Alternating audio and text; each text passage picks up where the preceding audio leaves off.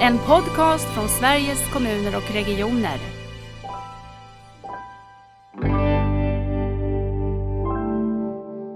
Eh, Så det kan man ju redan se är en effekt av eh, piloterna, att man börjar känna och förstå det här och varför. Vad har jag för nytta av det och hur innebär det praktiskt? Att skriva ett riktlinje, det är jobbigt men det, det är ganska enkelt. Ja. Men att få det att fungera i verkligheten, det är den stora utmaningen. Ja. Och våga göra det.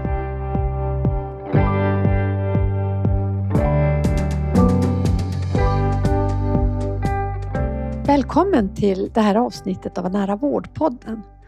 Idag ska vi få lyssna till hur man i Uppsala väljer att eh, göra särskilda tjänsteutbud för personer som är äldre. Och eh, den som ska berätta om det, det är Pia Leiderdal som är utredare och projektledare på hälso och sjukvårdsavdelningen vårduppdragsenheten på Region Uppsala. Hoppas jag sa rätt nu. Välkommen Pia! Alldeles rätt. Tackar, tackar. Ja.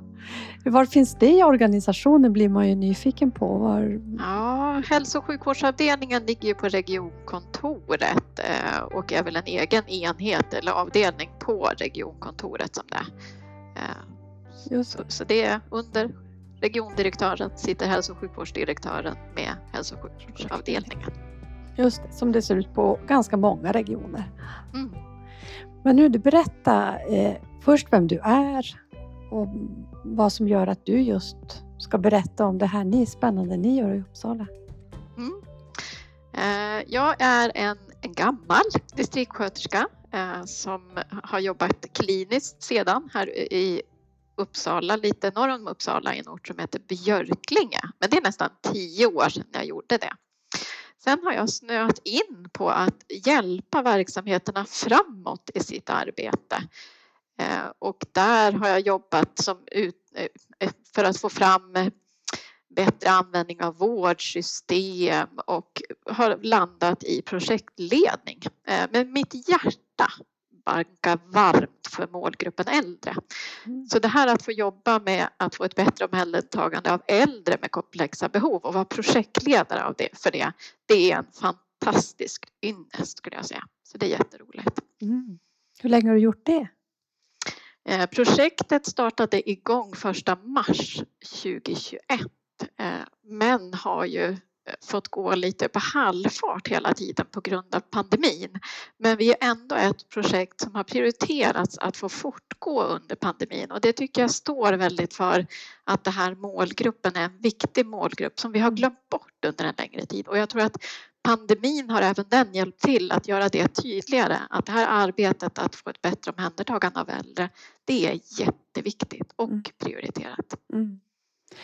Ja, jag tänker det också när man på något sätt har grunderna till omställning till mer nära vård så vet man ju också att de som har de här mer sammansatta behoven de har ju störst behov av den här omställningen och vi får också störst effekter. Så att jag, jag tänker att det är så klokt att också välja ut, att våga jobba med en målgrupp. Mm. Jag tänker Pia, berätta lite mer om dig själv. Vad, vad gör du när du inte är projektledare för det här då? Ja, när jag inte... Jag älskar att vara ute i naturen. Det är jätteviktigt för mig att få hämta krafter i min skog i en liten by som heter Drälinge.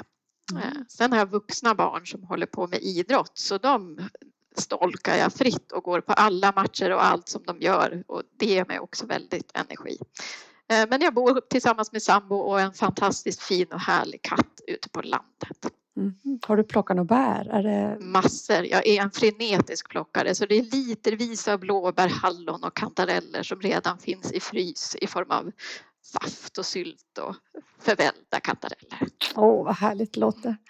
Ja, vi hittade faktiskt hallon på där vi har vårt sommarhus i Tornedalen. Det har inte vuxit hallon där förut så jag var så överlycklig när det finns ja, litervis. Och Ja. mina barnbarn var också så lyckliga. Så det är bara det är en skatt. Ja, man får passa på. Man vet aldrig när det här året kommer och inte ger skörd ute i skogen. Så det är varenda gång man kan plocka, det är en fröjd att få göra.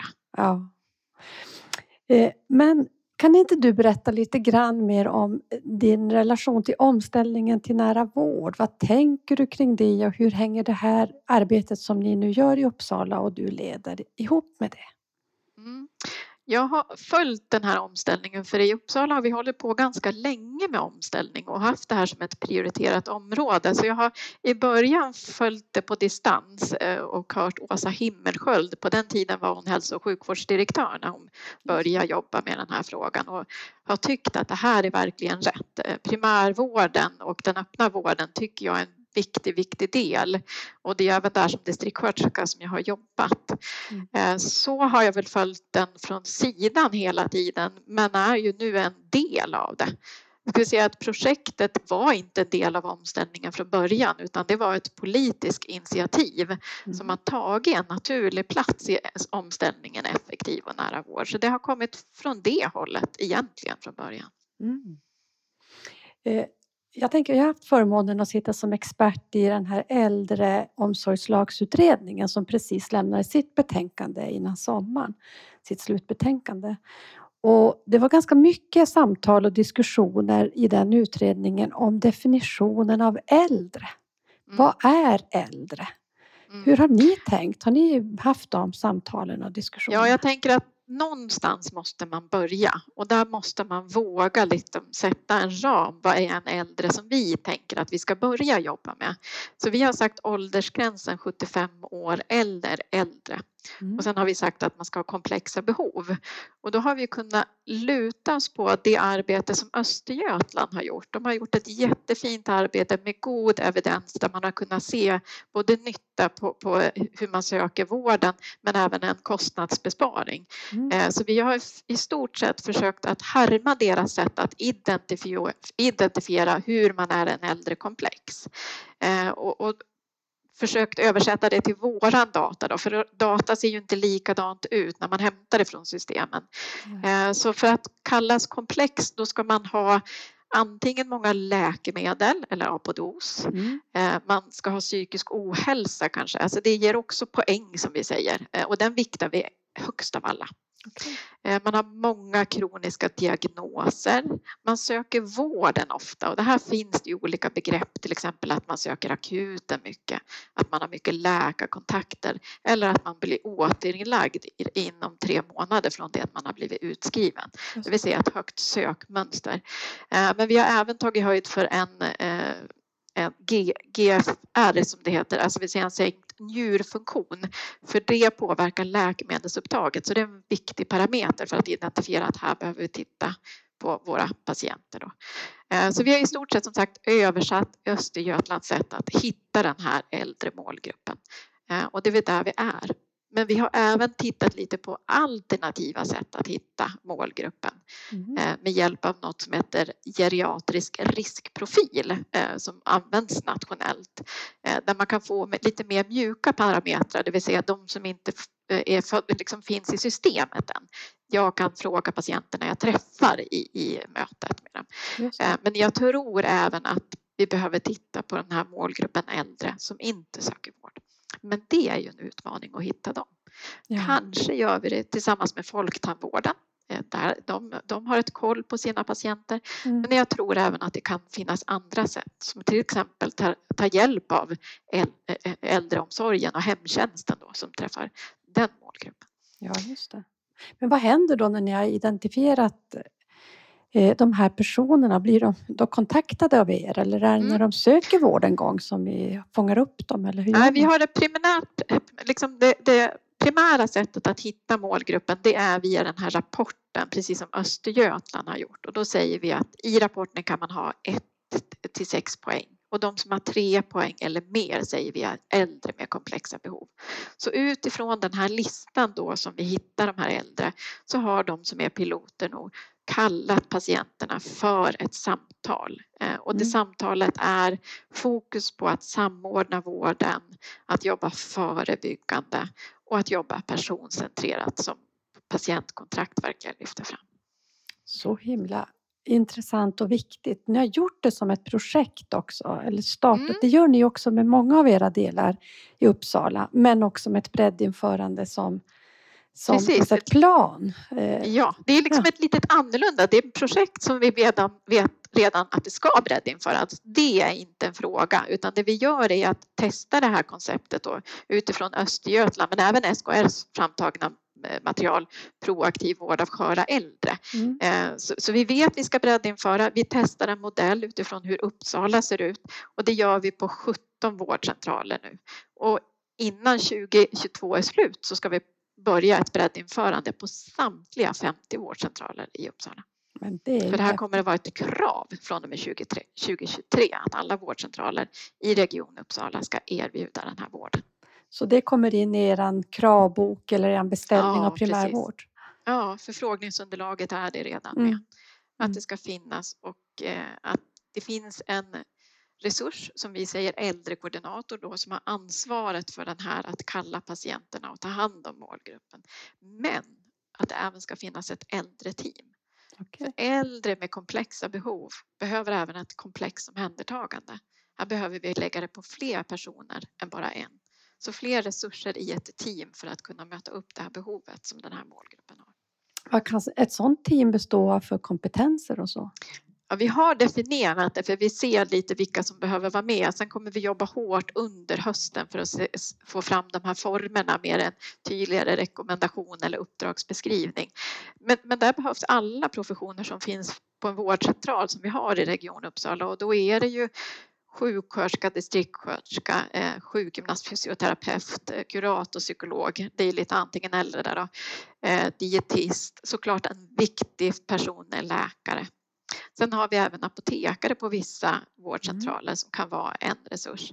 Men här behöver vi också ta, och, ta hjälp av kommunerna för där har vi våra arbetsterapeuter i Region Uppsala. Då finns de inte under regionens tak utan kommunernas tak. Och det är ju en jätteviktig resurs. Gör man det i de här 17 piloterna då också eller testområden eller vad ni kallar Ja, vi testar på att få till det här samarbetet bättre och Mm. just att samarbeta med arbetsterapeuter i kommunen, det är ganska lågt hängande frukt. Där är vi nog alla överens om att här kan vi bli bättre och, och hjälpa patienterna i tid. Mm. För då ser vi ju att alla vinner på det. Patienten kanske inte ramlar hemma och söker sjukhusvård. Vi tjänar massa pengar och sen så tjänar vi förstås väldigt mycket för den personlig, personen i fråga. Eh, och de blir inte behov av hemsjukvård heller eller hemtjänst. Så att utnyttja de resurserna tillsammans tror jag är jätteviktigt. Mm. Och här har vi ju på regionen dietister. Det har inte kommunerna. Nej. Så de behöver ju även få hjälp med den biten. Så jag, jag tror att samordning och samverkan är en väldigt nyckeldel i det här arbetet. Jag tänker mycket när vi pratar om omställning till nära vård så ser vi att vi behöver ju kunna göra olika ska, tjänstutbud till olika delar av befolkningen eller vad vi ska säga. Alla behöver inte ett sammansatt team. Alla behöver inte eh, eller passar inte heller in i den modell vi har idag på vårdcentraler. Att man på något sätt ska ringa och komma och så kommer man styckevis. Och jag tycker det, det blir ju ett väldigt starkt sätt att träna sig att identifiera behov och göra tjänsten Mm. utifrån behoven i det du berättar. Jag tänker på den här biten eh, i piloterna nu så säger vi inte hur de ska följa upp patienterna och hur de ska jobba i äldreteamet. För här ser vi att följa upp patienterna, det finns inte ett facit på det här utan det kommer finnas olika behov hos alla individer. Och tittar man på, om man tittar på, om jag skulle söka vården då kanske jag har ett besvär. Det är väldigt enkelt att ta hand om egentligen. Men när det är de äldre så sitter de med massa besvär. Så det finns inte ett sätt att jobba utan vi behöver tänka ihop och göra det här tillsammans. Men behöver man träning? Jag tänker det är ett helt annat förhållningssätt, Mm. i alla fall i mitt huvud när du beskriver. För vi är så vana att ta en del i taget och nu ska vi utgå från ett helt annat, den, den enskildes perspektiv, det personcentrerade. Hur, Och jag- trän, hur tränar de ihop sig i de här teamen? Ja, det som vi har haft, alltså där kan vi tacka eh, pandemin på ett sätt. Eh, För vi har haft något som vi har kallat öppna forum. Eh, Det vill säga att varje vecka erbjuder vi från projektledningen att alla de här piloterna och deras äldrekoordinatorer kan komma in och ställa frågor. Och det är inte bara att de ställer frågor till oss utan här är det ju viktigaste det kollegiala lärandet Mm. när man kan dela med sig av det som är. Så det tror jag är en, en sån här nyckeldel i det hela. Att för att klara omställning, omställningen, jag kan tänka mig bara vi som jobbar med det, vi gnussar ju väldigt länge med de här. Men de ute i verksamheten, de behöver få handledning. De behöver få tid att reflektera för att klara av det här. Eh, och det tror jag är ett vinnande koncept som vi kommer att fortsätta med. Riktigt hur det kommer se ut när vi är inför, ja där är vi inne och nosar på det. Men typ ett öppet forum där de kommer in och kanske områdesvis pratar om de framgångsfaktorer som man har och de besvär man har. För jag tror att det här att kunna lyfta varandra och stödja varandra och få reflektera tillsammans är jätteviktigt för att klara omställningen. Och tänk om det är så. Jag tycker också pandemin lärde väl oss också att det finns så mycket kraft i medarbetargrupper. Ja.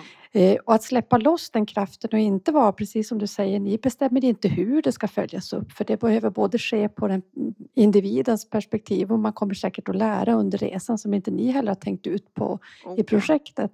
Men att ändå att någonstans måste man facilitera tror jag, rätten och möjligheten att få reflektera, möjligheten mm. att mötas och, och skapa lärande. Och det kan vara en uppgift för projektledare eller för de som jobbar med stödverksamhet. Och just det här som pandemin tvingar oss att vara digitala. Just det. det har ju gjort att vårt län är ju ganska stort. Vi har ju åtta kommuner. Eh, vi kan vara på plats på vårdcentralen väldigt snabbt. Mm. digitalt. Mm. Och jag tror att det är någonting som de uppskattar också. Att slippa en, en och en halv timmes restid för att vi ska prata ihop oss. Utan nu är vi digitalt på plats. Eh, så det vill man verkligen tacka pandemin för jag jobbade med att få eh, digitala möten innan pandemin och det var helt omöjligt fast vi gav dem all stöd och kamera och lat under manualer. Men nu har det öppnat så att alla tycker att det här är något positivt och det gör ju att sådana här nätverk kan bli mer eh, ja, lättillgängligt. Mm. Ja, verkligen. Jag tänkte, eh, när jag läste om det här första gången, dels så tyckte jag det var så kraftfullt. På 17 ställen så gör ni det här. Ibland kan jag höra att nej men det händer ingenting i utvecklingen av den nära vården. Och så tänker jag, ja men alla de här 17 nu som är med i det här arbetet, de ser ju att det händer. Då pratar man väldigt mycket om äldremottagningar. Sen har jag förstått på dig lite att det kanske inte är direkt det här mottagning eh, som man kanske får bilden av en mottagning när man tänker ordet mottagning. Berätta lite om det. Vad, vad är en äldremottagning? Ja, så här i efterhand kanske man inte skulle ha gått ut med ordet äldremottagning ens. Eh, att, att vi måste börja tänka om här. Mm. Eh, på vårdcentralen så har vi skapat olika mottagningar. Det finns diabetesmottagning, astmakolmottagning och liknande. Och det tror jag vi många gånger även har gjort för vårdens behov. Vi behöver få ha spetskompetens och kunna bemöta. Och precis som jag sa tidigare så en diagnos så funkar det här. Eh, och nu har vi då adderat äldremottagning. Men om vi istället lutar på ordet äldrekoordinator mm. då tror jag vi hamnar mer rätt. Att vi får koordinera. Men det som sticker ut här är ju det förebyggande också som går lite hand i hand. Eh, så jag tror vi ska vara vi måste ställa om det här tänket även på vårdcentralerna så att vi inte organiserar oss bara utifrån vårat behov. Det behöver vi ju såklart också, men att vi behöver organisera oss utifrån individernas behov. Och då kommer man till vårdcentralen. Mm. Just det. Och så behöver man inte tänka att man går på en särskild äldremottagning Nej. utan man får det man behöver mm. för, som är skräddarsytt. Jag tror också att det finns någonting väldigt... Det är också på det sättet vi kan se till att vi använder resurser bäst. För om vi ska göra en mottagning för varje grej mm. så kommer det också att låsa in resurser. Och det här hjälper oss att tänka på, på nya sätt det du beskriver, eh, tycker jag. Så att, Ja, intressant med ord och vad det för med sig och hur man eh, och Det är lite spännande nu när piloterna börjar titta och se framåt. Vad är det för någonting? Så ser ju de möjligheter som inte vi har tänkt. Skulle vi kunna ha de här framtida besöken i samband med andra besök och hur lägger vi upp det då?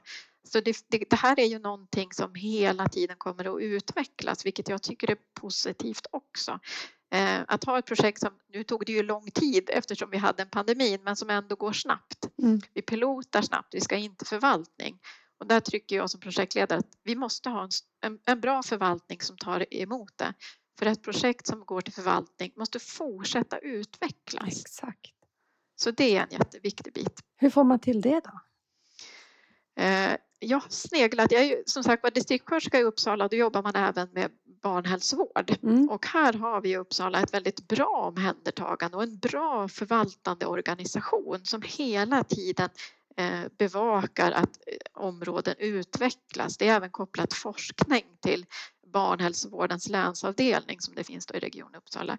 Och det här skulle jag vilja få till även för de äldre, en äldrehälsovårdsavdelning som, som hela tiden kan vrida och vända och förbättra vården.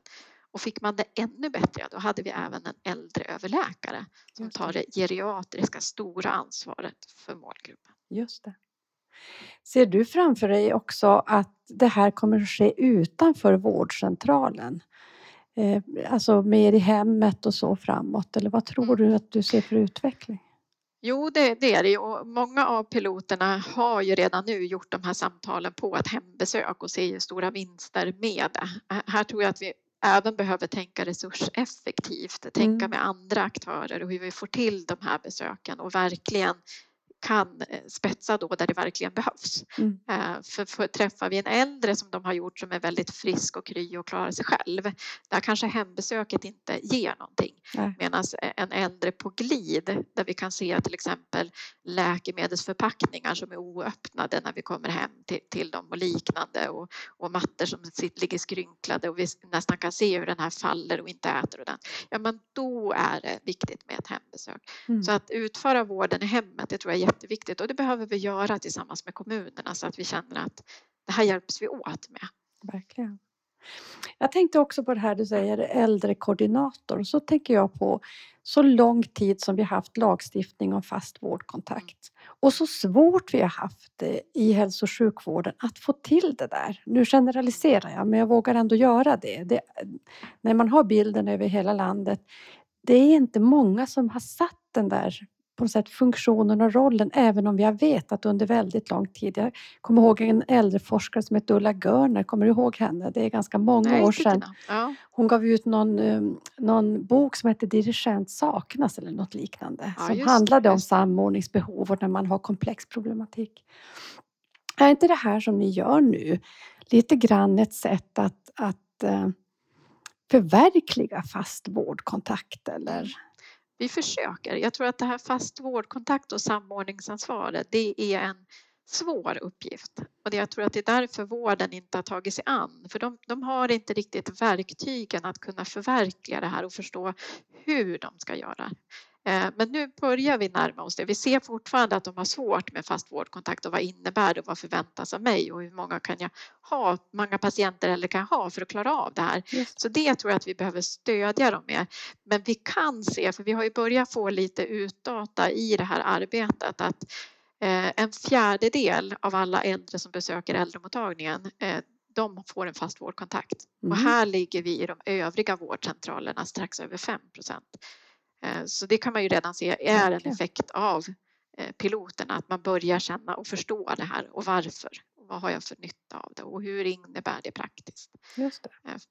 För det är lätt att göra lagar och, och skrifter om hur man ska göra men jag tror just det här hur gör man det praktiskt på Mm. vården?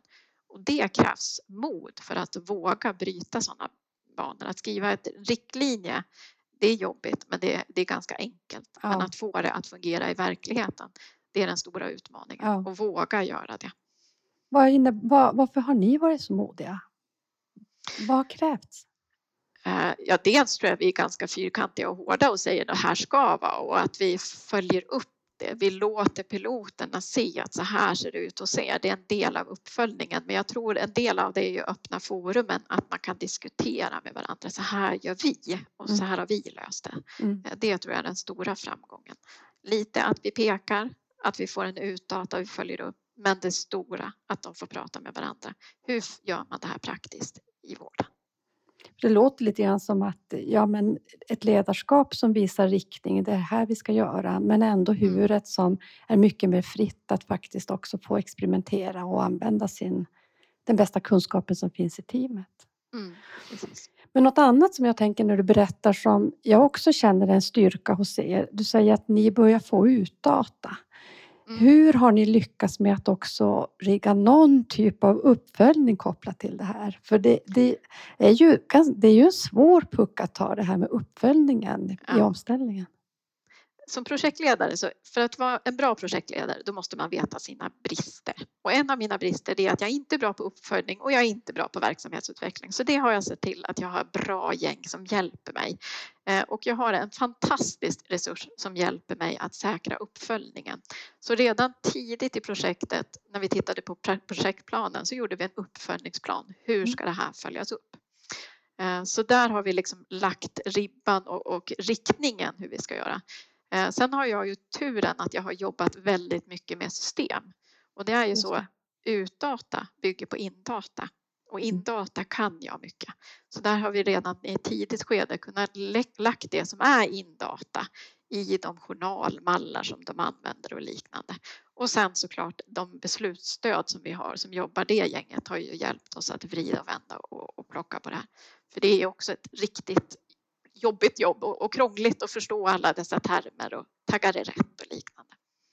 Det är så viktigt då att man verkligen har med sig vad ska jag säga, också ett gäng av kompetenser i det här teamet som finns lite backoffice som du har runt dig. Mm.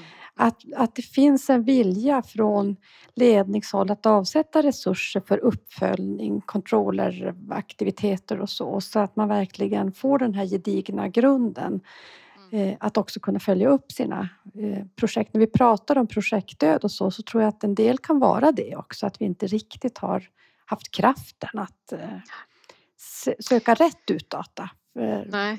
Jag har lutat mig lite återigen på det som BVC har gjort. Eh, I Uppsala var man tidig med någonting som hette BASTA. Eh, och nu heter det BHVQ.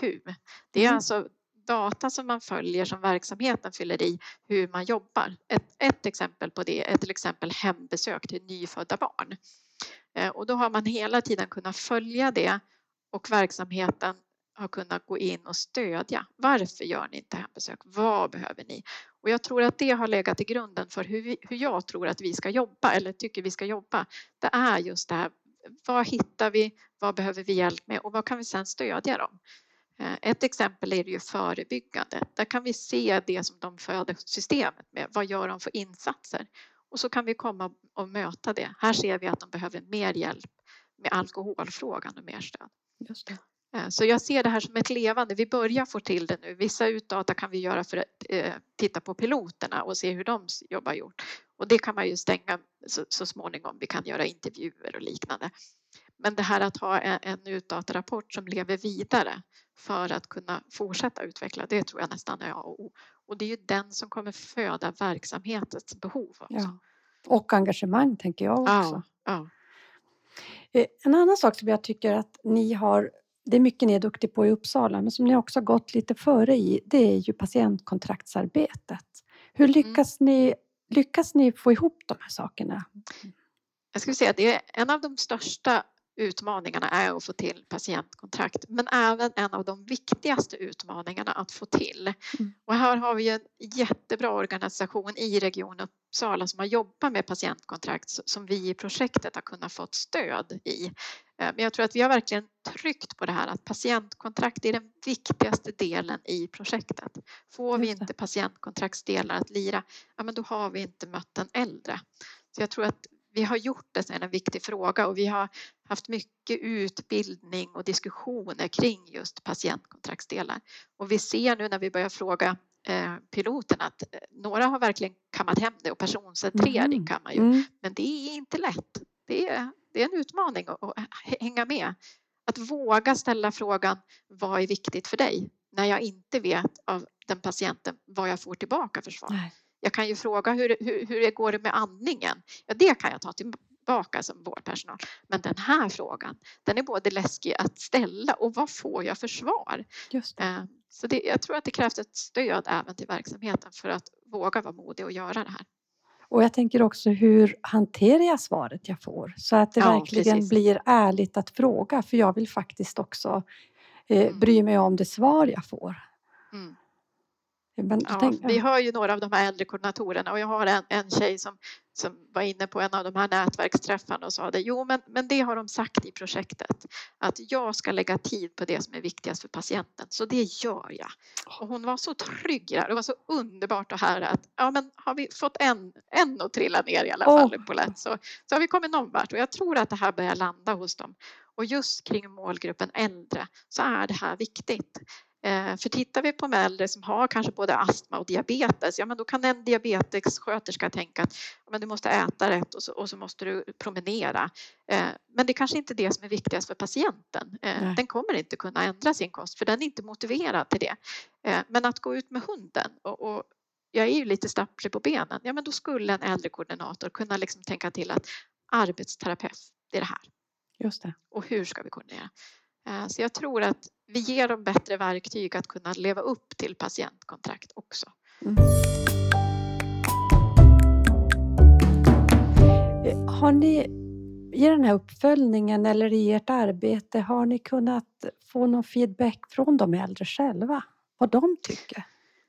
Ja, eh, i den här uppföljningsplanen som vi har gjort eh, så har vi inte inte kunna ta höjd för att intervjua alla äldre. Eh, men det vi gör är att alla efter sitt besök hos äldrekoordinatorn får göra en enkät, en utvärdering av besöket. Det är ju verkligen här och nu direkt efter besöket men där får vi vissa eh, parametrar där vi ser att de känner sig trygga och delaktiga och vet sitt nästa steg. Det kan vi få ganska direkt efter besöket. Eh, sen har vi ju lite referensgrupp grupper och liknande i pensionärsråd och referensgrupp Årsrika som omställningen jobbar med. Som vi har kunnat varit och fråga hur tycker ni att det här ska se ut? Så kan ju de tanka information från sitt nätverk och fylla det här. Bland annat kallelseförfarandet till de här besöken har de hjälpt oss med. Mm. Eh, sen kommer vi göra, eller som vi nästan är klara med, det är att vi använder eh, SKRs eh, metod tjänstedesign och gör användarresor på varje vårdcentral, alla piloter som är, för att fråga just vad målgruppen, men även lika viktigt vad den anhöriga till målgruppen Exakt. tänker. Så det kommer vi få in och få ett resultat mm. Det tänker jag, eh, man har ju jobbat med nu och har ju tillsatt, eh, ska göra en strategi för anhöriga från regeringens sida också. Mm. Och jag tycker att jag hör mer och mer att när vi börjar jobba personcentrerat och inkluderat, då blir det ju också ett sätt att, att bry sig om anhöriga som vi kanske inte har varit superbra på heller från hälso och sjukvårdens sida. Där tror jag att socialtjänsten har ju dels en annan tydlighet i lagstiftning och en större vana, men att det är också ett viktigt perspektiv, inte minst för äldre med komplex problematik. Det är jätteviktigt. Jag menar, om vi inte tar hand om de anhöriga i tid, då kommer de vara våra patienter ganska snart. Eh, det är min erfarenhet också som mm. distriktssköterska, det här är ett viktigt jobb att göra. Eh, och det, och det lyfter vi också i projektet. Vi har en resurs som bevakar anhörigperspektivet, för det är viktigt. Det. Eh, och det kan vi även följa utdata så småningom hur det går. Mm. Men, men just att inkludera anhöriga är jätteviktigt. Och det var någonting som for igenom mitt huvud när du eh, pratade som jag tänkte att det där måste jag fråga om. Nej, det var så här att jag började tänka på, vi har ju precis lanserat eh, vård och omsorgskollen som är ett sätt att eh, följa upp vad eh, enskilda personer har för, hur trygga de är och vad de har för upplevelse av de insatser de får. Så det var bara det jag kopplade ihop och tänkte det kanske skulle vara ett instrument också för att få eh, till är det det som är webb Gamla webbkollen, gamla webbkollen ja, men som är omgjord ja. nu. Mm. De frågorna har vi tittat på och haft mm. underlag när vi har gjort de här enkätfrågorna som vi Just. har. Eh, och vi har lagt ut till studenter att de skulle kunna få intervjua både äldrekoordinatorer men även eh, de äldre som haft ett besök. Och då har just vi just hänvisat dem till webbkollen som det hette då. då att det är det instrumentet som vi bör använda. Så det, mm. det tycker jag är ett mycket bra instrument. Koppling där. Mm. Eh, jag tänker, sa du någonting om vad, om ni har särskilda krav eh, på vad de här koordinatorerna ska ha för kompetens? Hur tänker mm, ni där? För teamet? Ja. Ja, Östergötland hade ju det. De skrev att det behöver vara en sköterska med geriatrisk kompetens, distriktssköterska tror jag. De hade verkligen poängterat ut det. Eh, här har vi i Uppsala tänkt att vi behöver testa det här. Är, är det så att man behöver ha den här kompetensen i alla samtal? För det är ganska många äldre som vi har. Eh, så där har vi släppt fritt vilken profession det är. Det. Majoriteten är sjuksköterskor, distriktssköterskor och många med geriatrisk kompetens. Eh, vi har även undersköterskor som gör samtalet och, och vissa Mm. tidiga hälsosamtal. Det kan man göra för hur den är så behövs teamet. Just det. Och så har vi några sjukgymnaster, fysioterapeuter som också har varit. Och här kan vi ju se en stor vinst att de kan ju hjälpa till med vissa delar hands-on och begriper, eh, ja men har bättre kunskap om en del områden på en gång. Mm. Eh, Så jag tror att det är någonting vi kommer utvärdera och vi, för 2023 säger vi inte heller att det ska vara en specifik resurs utan den resursen som tillsätts behöver olika team för att kunna hjälpa den. Ja, men precis. Det är också egentligen att lämna lite mer av huret och hur man jobbar bäst på just den, kanske vårdcentralen och få ihop Mm. sitt team och så. Eh, Men om jag tänker att det, det låter ju fantastiskt och det är fantastiskt och, och jättespännande att lyssna på. Men ni måste också ha haft motstånd. Det måste också varit svårt vissa perioder. Har du, om du skulle sätta ord på det motståndet, har det funnits motstånd? Ja, men alltså det svåra är väl att få med sig verksamhetschefen att prioritera. Eh, Det skulle jag säga att det är det, det är det svåraste biten och det är ingen kritik till verksamhetscheferna i sig Nej. utan det vi måste förstå är att, att de blir ålagda väldigt mycket. Det är så mycket som hamnar på deras bord som de ska hantera. Och när vi kommer med ett projekt så tror vi att det är bara vi som finns i stort sett. Eh, Och det är väl den största utmaningen att kunna peka med hela handen och säga att det här ska ni göra. Ni får både tid och pengar för att göra om, eh, omställningen men att vara med och stödja dem. Så vi har även haft tillfällen för de här piloterna där cheferna har kunnat få träffa varandra och Mm. delge, vilket de har uppskattat väldigt mycket. Och det tror jag också att vi behöver. Vi behöver rigga omställningen för cheferna. Precis. Och det ser man ju också att det, är, det kan vara svårt att prioritera det här arbetet ibland. Det är lätt att det skjuts undan, att, att det trycks undan från, från kanske telefontid eller, Mm. eller andra saker. Eh, Men jag tror att det är viktigt att vi lyfter det och på sätt och vis så är det, det är väl de som är motgångarna men annars är att driva ett lyxprojekt där egentligen. För det, det är politiken vill det, de har satt till medel. Verksamheten vill göra det här. Nästan alla äldrekoordinatorer säger att det här är ett fantastiskt bra jobb, det här behövs. Och sen har vi målgruppen som efter besöket säger att det här var jättebra. Eh, Så ett, så ett bättre projekt kommer man ju aldrig kunna få driva och så har jag då en organisation som hjälper mig. Eh, Så det, ja lite motgångar, verksamhetschefer, prioritera men annars överväger det här positiva Just i det hela. Och jag tänker det är ju egentligen inte konstigt det här lite att, att svårigheten att prioritera. För jag, jag menar vi har ju en verksamhet, dels har vi tränat på arbetssätten i så otroligt många år. Så vi får ju heller inte tänka att det är bara att ändra arbetssätt. eh, För vi, vi har ju väldigt mycket av annan verksamhet som vi gör på det gamla traditionella sättet. Och sen kan vi ju inte stoppa vårt inflöde som man kanske skulle kunna göra i en fabrik eller i en Nej, precis, butik och precis. säga att nu, men nu ställer vi om här, vi tar det lite lugnare med det andra utan man ska fixa det där under tiden. Och det är väl en, klokt att också mm, supporta chefer och ledare i, i det arbetet. Sen har de ju olika, för nu se- se- ger vi ju medel till alla piloter och även för alla vårdcentraler sen att det ska finnas ett tjänsteutrymme att göra det här. Så då kan man ju Just det. tänka att ja, men då är det ju enkelt, då, då, då får vi ju det här. Eh, Men, men det är inte alltid så lätt att anställa i dagens läge heller. Eh, till exempel Skutskär som ligger ganska mycket norr om Uppsala. Eh, då behöver man bo på orten för att vilja jobba där många gånger och det finns inte hur många sjuksköterskor, distriktssköterskor och undersköterskor i en sån ort. Nej. Så det är ju också en utmaning som vi har, att, att hitta kompetent personal och där, där vi även har en fördel när vi inte har sagt att det ska vara en profession, att, att man kan jobba lite olika, det ger utrymme för det också. Mm. Men det är ju också en väldig utmaning att, att kunna rekrytera. Mm. Vi ser ju på våra piloter att det finns en omsättning också. Vi har några som har varit med från start, men vi har också några som det har bytts resurser som vi har behövt möta upp och ge introduktion under vägen. Ja, för jag tänker två perspektiv där. Dels det här att man blir ju liksom aldrig klar. Nu är alla inskolade, nu har alla fått ut, för det, det finns hela tiden på något sätt en återväxt och att kunna hålla igång det också, att få en så stabil kärna i arbetssättet så att, att det finns men ändå alltid se att andra måste få chansen att komma in i det. Det är ju det ena. Det andra tänker jag är att jag tror framåt att vi kommer att måste jobba mycket mer gränsöverskridande med kompetens. Jag tänkte när du sa att dietisterna finns på regionen och hur kan, kan man i många eh, län där man har jättetufft med kompetensförsörjningen kanske vi inte kan tänka en dietist per varje vårdcentral utan Nej. att jobba tillsammans på ett annat sätt. Eller någon annan yrkesgrupp, det var bara ett exempel. Men... Och det tror jag också, mm. absolut.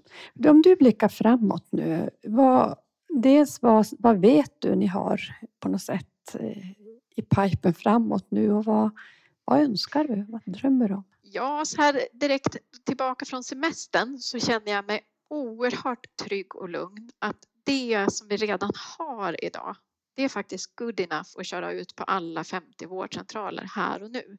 Det är lite som behövs skruvas och det är ju fantastiskt att kunna ha en höst och nästan ett helt 2023 på att få skruva till det här ännu bättre. Någonting som mm. är bra och göra det ännu bättre och att kunna ta del av piloternas erfarenheter, för det är där vi är just nu. Eh, vi har, jag har haft en resurs som har intervjuat alla som har jobbat i, som äldrekoordinatorer. Att kunna ta del av de insikterna och erfarenheterna, kunna ställa följdfrågor och jobba vidare med det här för att kunna skruva konceptet och breddinföra. Eh, så någonting bra kan bli ännu bättre. Det är ju jätte, jätteroligt verkligen. Ja, Så vi ska skruva på det. Eh, men det är många delar som man kan bli lite besviken på. Eh, jag brukar säga att egentligen hade vi haft verksamheter som hade förstått det här arbetet från början så hade vi inte behövt göra det här. Vi hade Nej. inte behövt göra den här insatsen.